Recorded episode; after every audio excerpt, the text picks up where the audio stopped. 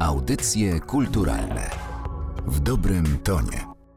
Dzień dobry Państwu. Przy mikrofonie audycji kulturalnych Anna Karna. Dziś porozmawiamy o jednym z najwybitniejszych polskich reżyserów filmowych, teatralnych i telewizyjnych, współtwórcy Polskiej Szkoły Filmowej, scenarzyście, publicyście, pisarzu oraz polityku. Nikt tak jak on nie potrafił opowiadać o Śląsku. Kazimierz Kuc obchodziłby dziś 95. rocznicę urodzin. O artyście rozmawiać będę z Wojciechem Sernowiczem, który przez 50 lat jako dokumentalista śledził karierę reżysera. Jest także autorem ostatniego filmu poświęconego Kazimierzowi Kucowi pod tytułem I blisko i daleko. Dzień dobry panu. Dzień dobry. Przez kilka dekad był pan obecny przy Kazimierzu Kucu. Stworzyli panowie razem kilka filmów, cały cykl programów. Przeprowadzili dziesiątki rozmów, z których tę ostatnią, niezwykle osobistą, można usłyszeć w pana dokumencie I blisko i daleko, który powstał trzy miesiące przed śmiercią reżysera. Panu opowiada o tym, jak się narodził jako artysta. Co doprowadziło Kazimierza Kuca do filmu? Ten początek to są właśnie Szopienice, miejsce jego urodzenia. To taka straszna miejscowość wtedy, w której była też potworna huta cynku. I w tym takim właśnie miejscu, no dzisiaj nazwiemy proletariackim, Kuc dojrzewał i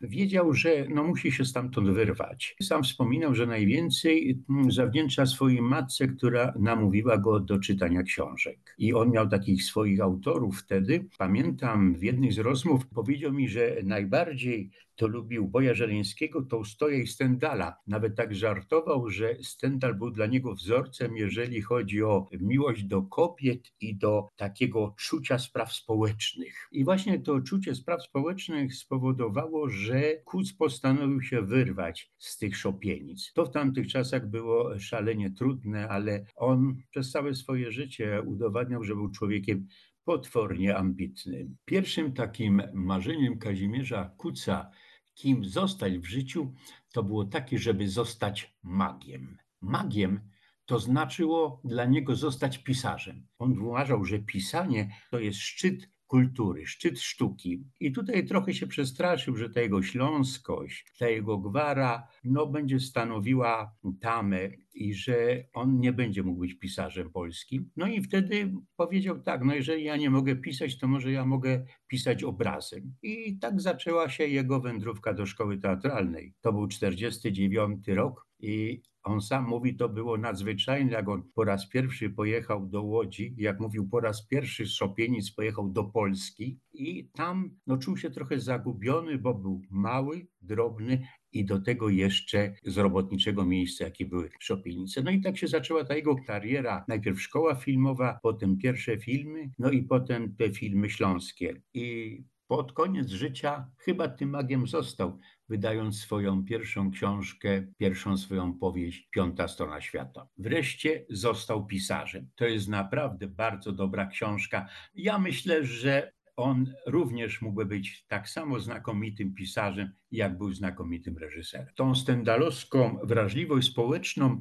Kuc potem zamienił politykę. Zajął się polityką. Był senatorem i posłem w czterech kadencjach Senatu i Sejmu. Przy tym pierwszym kandydowaniu do Senatu pierwsze miejsce zdobył Kuc z fantastycznym wynikiem. Prawie pół miliona Ślązaków na niego głosowało. I potem jak Kuc jako senator czy jak poseł przyjeżdżał na Śląsk do swojego biura poselskiego czy senatorskiego, to byłem świadkiem, jak tłumy były, żeby się z nim spotkać i nie wszyscy przychodzili, żeby załatwić jakąś swoją sprawę.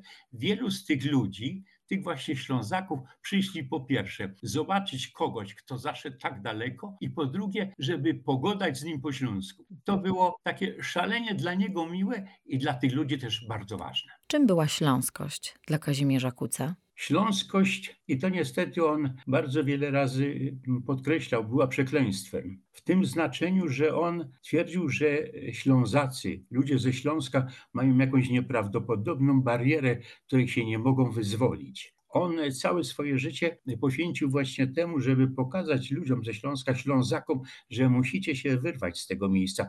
Wyrwać nie w znaczeniu nawet fizycznym, wyjechać stamtąd, ale przede wszystkim pod względem intelektualnym. On mówił, że Ślązacy nigdy nie potrafili wystarczająco walczyć o swoje sprawy. On to wywodził z historii Śląska, z tych 600 lat, kiedy Śląsk był poza Polską, uważali się za ludzi gorszych. On zresztą y, twierdził w ten sposób, że Ślązakom wmówiono, że właściwie liczą się tylko ręce, że oni nadają się tylko do roboty, że tutaj nie muszą za bardzo myśleć głową. I on z tym strasznym stereotypem no, przez całe swoje życie walczył. Myślę, że w dużej mierze walczył skutecznie. Wróćmy zatem do studiów. Kazimierz Kuc mówił, że studia go uratowały. To było tak ważne dla niego, aby z tego Śląska uciec. Oczywiście, że go uratowały, bo jak on szedł na studia, to matka mu powiedziała: Słuchaj, musisz się tam dobrze spisać, bo jak wrócisz, jak nie zdasz, to będziesz musiał iść na grubę. Gruba to po śląsku znaczy kopalnia. Dawniej dla młodego chłopaka nie było większej szansy, jak właśnie to, żeby szybko i jak najszybciej pójść pracować i to pójść do kopalni albo do huty. Kuc należał do tego pokolenia, do jednych z pierwszych, którzy się właśnie wyrwali i poszli w Polskę zdobywać zdobywać wiedzę. I on właśnie namawiał tych Ślązaków, słuchajcie, naprawdę was stać na więcej. Kazimierz Kuc, który tak bardzo miał dosyć tego Śląska, ucieka do szkoły filmowej, która go ratuje, jednak wraca na Śląsk. Dlaczego zdecydował się zmierzyć z filmem właśnie tam, a tym samym zmierzyć się ze Śląskiem? On postanowił wrócić tutaj na Śląsk, to był jego pierwszy właściwie powrót, dlatego że on czuł przede wszystkim zobowiązania wokół, no to dzisiaj brzmi patetycznie, ale nie tyle wokół tej ziemi, ale ja myślę wokół własnej rodziny, wokół ojca, braci. No ojciec był powstańcem, on strasznie chciał uczyć Polski Śląska. I drugą taką tezę, którą stawiał bardzo często, on chciał związać kulturę śląską z kulturą polską. To jest bardzo trudne zadanie. On sam podkreślał, że kultura polska to jest przede wszystkim kultura szlachecka. I tutaj nagle on wchodzi z tą kulturą robotniczą. No, on był przekonany, że to można połączyć. Bardzo chciał to zrobić. No, przez te swoje filmy jakby próbował, tu ciągle to próbował. W pana filmie Kazimierz Kuc mówi takie słowa. Kończąc film, czekałem na wyrok. Dlaczego? Dlatego, że te jego filmy były dla władzy szalenie podejrzane. No, proszę pamiętać, to były lata 70. Pierwszy film Sól Ziemi Czarnej, to był 69 rok, jest o powstaniu, o tym, że Ślązacy walczą o swoje prawa. Ale Proszę zwrócić uwagę, że w tym filmie jest rzecz niesamowita, która zresztą dzisiaj szalenie aktualna w związku z tym, co się w tej chwili mówi w polityce. On w tym filmie pokazuje Polakom, jak należy rozumieć sprawy polsko-niemieckie z punktu widzenia Śląska. Tam jest ten wspaniały motyw, kiedy młody polski powstaniesz zakochuje się w sanitariuszce, która jest Niemką. I jeżeli tego nie zrozumiemy, że między tymi ludźmi nie może być prawdziwej miłości, to nigdy nie zrozumiemy, na czym polega rozumienie spraw polsko-niemieckiej na Śląsku. To jest w tym filmie klucz do rozumienia tych spraw. Myślę, że to jest szalenie ważna sprawa, która do dzisiaj nie do końca jest zrozumiana. Towarzyszy pan Kazimierzowi Kucowi między innymi na planie filmu Śmierć jak kromka chleba, czyli na pewno jednego z najważniejszych, jeśli nie najważniejszego filmu na temat stanu wojennego. Panu opowiada o tym, że te wstrząsające wydarzenia w kopalni Wujek były dla niego osobistą tragedią. On to strasznie przeżywał. Ja byłem parę dni po tym, jak on wyszedł e, z więzienia i pamiętam, że to był dla niego ogromny wstrząs ten wstrząs jeszcze spowodowany był dodatkową rzeczą, mianowicie jest 12 grudzień 81 rok jest Kongres Kultury Polskiej. On wraca 13 do Katowic i zaraz zostaje zamknięty. I po dwóch dniach do jego celi przychodzi człowiek, mówi: Panie Kuc, ale wczoraj puścili w telewizji film Sól Ziemi Czarnej. To było coś nieprawdopodobnego. On tego nie mógł przeżyć, że władza w momencie wybuchu stanu wojennego posłużyła się jego filmem propagandowo. To był dla tego człowieka nieprawdopodobny dramat. Zresztą to się ogromnie odbiło potem na jego relacjach. Jego posądzono,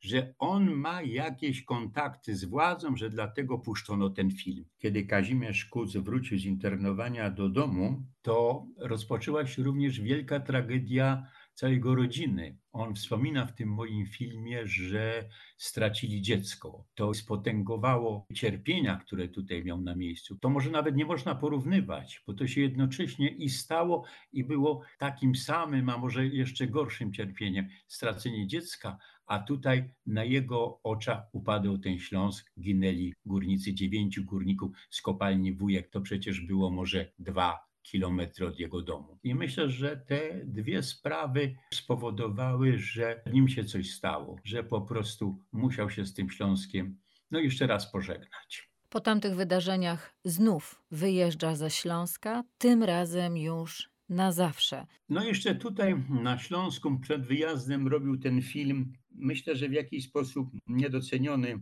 na staże swej stać będę, no ale rzeczywiście już tutaj nie znajdował miejsca, już po prostu e, czuł się bardzo źle, no i wyjechał do Warszawy, ale wracał jeszcze z filmami śląskimi, bo przecież proszę pamiętać, że Zawrócony też dzieje się na Śląsku. E, wzorcem dla bohatera tego filmu jest także ktoś z jego rodziny. Czy filmy Kuca o Śląsku do dziś są aktualne, czy są kartą z historii? Ja myślę, że one są szalenie aktualne. Wszystkie te filmy niosą ze sobą wartości ogólne, przecież wartości o prawo do pracy, wartości, o prawo do samostanowienia, no te wszystkie sprawy, o których się dzisiaj mówi. Ja myślę, że trzeba jeszcze jedną rzecz powiedzieć, mówiąc o Kucu. On szalenie protestował, przeciwstawiał się tym ciągle istniejącym i dzisiaj się to ciągle jeszcze też powtarza, tym sprawom polsko-niemieckim. On strasznie protestował przeciwko temu sławnemu zdaniu, że to jest opcja niemiecka. A prywatnie jaki był Kazimierz Kuc? Ja miałem go przyjemność znać ponad 50 lat. Dzisiaj, jak mówię, to muszę powiedzieć tak. Dla mnie to był człowiek o niezwykłej inteligencji. To był człowiek o ogromnej skali zainteresowań. To był człowiek fantastycznie oczytany. To jest jedna strona. Druga strona Kazimierza Kuca to, to jego przywiązanie do rodziny ten nieprawdopodobnie wspaniały związek z dziećmi. On po prostu strasznie kochał swoją rodzinę. Gotowy był dla niej zrobić wszystko. No i jeszcze jedna taka bardzo prywatna rzecz, która też jest w tym moim filmie. Ona nie jest bez powodu dana. Mianowicie on prowadził bardzo otwarty dom. I każdy, kto przychodził i trochę dłużej w tym domu siedział i z nim rozmawiał, to musiał zjeść przygotowany przez niego obiad. On po prostu był dumny z tego, że dobrze gotuje. No i, i każdego częstował tym posiłkiem. Oczywiście poza filmami śląskimi jego zainteresowania filmowe było ogromne. Jest reżyserem ponad 20 filmów fabularnych. Jakie filmy wskazywał jako te najważniejsze? On cały czas uważał te swoje filmy śląskie to najważniejsze jednak. Potem bardzo był przywiązany do Zawróconego i do pułkownika Kwiatkowskiego, ale już potem jak się przeniósł do Warszawy ten drugi raz, to już potem poszedł w teatr. Był znakomitym reżyserem teatralnym. Ja pozwalam sobie tak powiedzieć, że był to reżyser teatralny w starym typie, to znaczy on ogromnie szanował i autora, i aktora. Ja miałem przyjemność, bo zapraszał mnie na próby tych swoich różnych spektakli, to jego praca z aktorami, Zresztą przy filmie było to samo. Była imponująca. On ich ogromnie szanował, a jednocześnie pokazywał im kontekst całej sprawy. Prawda, na przykład przy filmach, te rozmowy z aktorami na planie, czy nawet z statystami, to za każdym razem były lekcje historii. On miał taki sposób pisania, że w momencie, kiedy pisał, pracował nad którąś z osób, nad którymś z bohaterem i on jakby zamieniał się w tą postać. On jak z człowiekiem rozmawiał, to rozmawiał słownictwem i zdaniami tego swojego bohatera, którego w tym momencie opisuje. Ale muszę powiedzieć pani o jednym spektaklu teatralnym, o którym rzadko się mówi. To był spektakl Stary Portfel. Stary Portfel był nagrywany w pierwszej połowie grudnia 1981 roku i jego emisja miała nastąpić 14 grudnia, czyli już w stanie wojennym. Oczywiście emisja się nie odbyła. O czym był ten spektakl Stanisława Biniasza, autora tej sztuki? Mianowicie powstaniec śląski decyduje się na opuszczenie Polski, ponieważ dostaje tak maleńką emeryturę za swoją pracę w Polsce, że nie jest w stanie wyżyć. A Niemcy dają mu wyższą emeryturę za te lata przepracowane w kopalni w czasie wojny. I on przeżywa osobistą tragedię i opuszcza Polskę, żegna się rodziną i jedzie do Niemiec. Oczywiście 14 grudnia nie odbyła się premiera tego filmu na antenie telewizji polskiej. Potem bardzo długo ten film szukano, gdzie jest. Nie znaleziono go i okazuje się, że koledzy z techniki telewizyjnej w Katowicach schowali tę taśmę magnetowidową, bo to było nagrywane na taśmie magnetowidowej. Oni tą taśmę schowali do jakichś rur kanalizacyjnych. I dopiero jak skończył się stan wojenny, wyjęto i była to jedna z pierwszych premier po stanie wojennym teatru telewizji w Polsce. Sam mówił o sobie, że nie tylko w filmach o Śląsku, ale w ogóle w innych swoich obrazach stworzył coś, co nazywa metafizyką Śląska. To była sprawa, którą mu zarzucano od pierwszego filmu, że taki Śląsk nie istnieje, że to jest niemożliwe, żeby ktoś widział na Śląsku takie wspaniałe rzeczy, jak on ukazywał. I on wtedy opowiadał tak: zadaniem artysty jest rzeczy brzydkie zamieniać w rzeczy piękne. I myślę, że jemu się to udawało.